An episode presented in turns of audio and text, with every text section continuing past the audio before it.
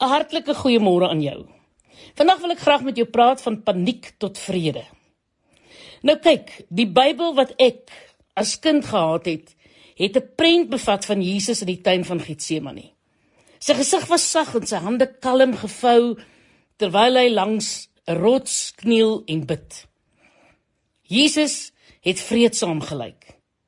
Maar een keer, se lees uit die evangelies, versteur daardie beeld totaal en al vir my. Markus sê hy het op die grond gekniel en Matteus sê Jesus het bedroef en beangs geword en doodsbenoud.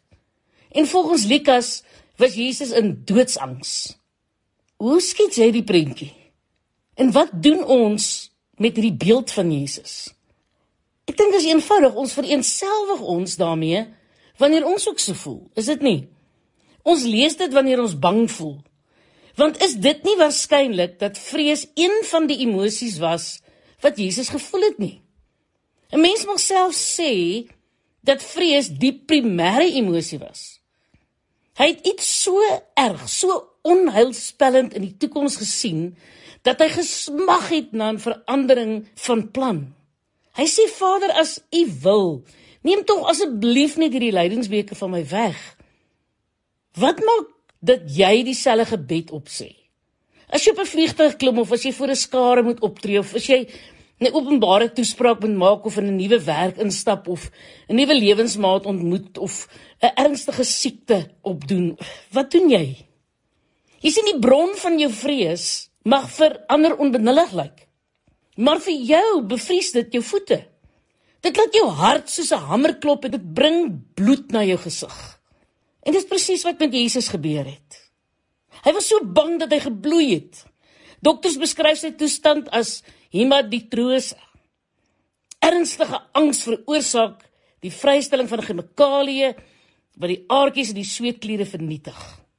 En wanneer dit gebeur, kom sweet met 'n bietjie bloed uit. Jesus was meer as bang, hy was bevrees. Vrees is bekommernis se ouer boetie. En as bekommernis 'n gooiingsak is, is vrees sommer 'n eystertrommel. Dit wil tog nie pad gee nie. Jong, maar kyk net wat doen Jesus. Jesus fokus op die Vader. Is dit nie merkwaardig om te vind dat Jesus sulke vrees beleef het nie? Hoe goed dat hy ons daarvan vertel het. En ons is geneig om die teenoorgestelde te doen, is dit nie? Ons verdoesel ons vrese. Ons maak hulle toe. Hou ons sweterige palms in ons sakke en ons naheid en ons droë monde geheim. Nie so met Jesus nie. Ons sien geen masker van sterkte nie. Maar wat hoor ons? Ons hoor wel 'n versoek om krag. Vader, as U wil, neem tog hierdie lydensbeker van my weg. Die eerste een om van sy vrees te hoor is sy Vader. Hy kon na sy ma toe gegaan het. Hy kon na sy disippels in sy vertroue geneem het. Hy kon 'n bidtuur gehou het. Dit sou alles gepas gewees het. Maar nie een van daardie was sy prioriteit nie. Hy het eers na sy vader toe gegaan. Ons is so geneig om elders heen te gaan. Berade, selfhelpboeke of 'n vriend langsaan, maar nie Jesus nie. Die eerste een wat van sy vrese gehoor het, was sy vader. Dawid sê: "Ek sal nie bang wees nie, Hoe kon hy so stelling maak? Omdat hy geweet het waarheen om hom te wend.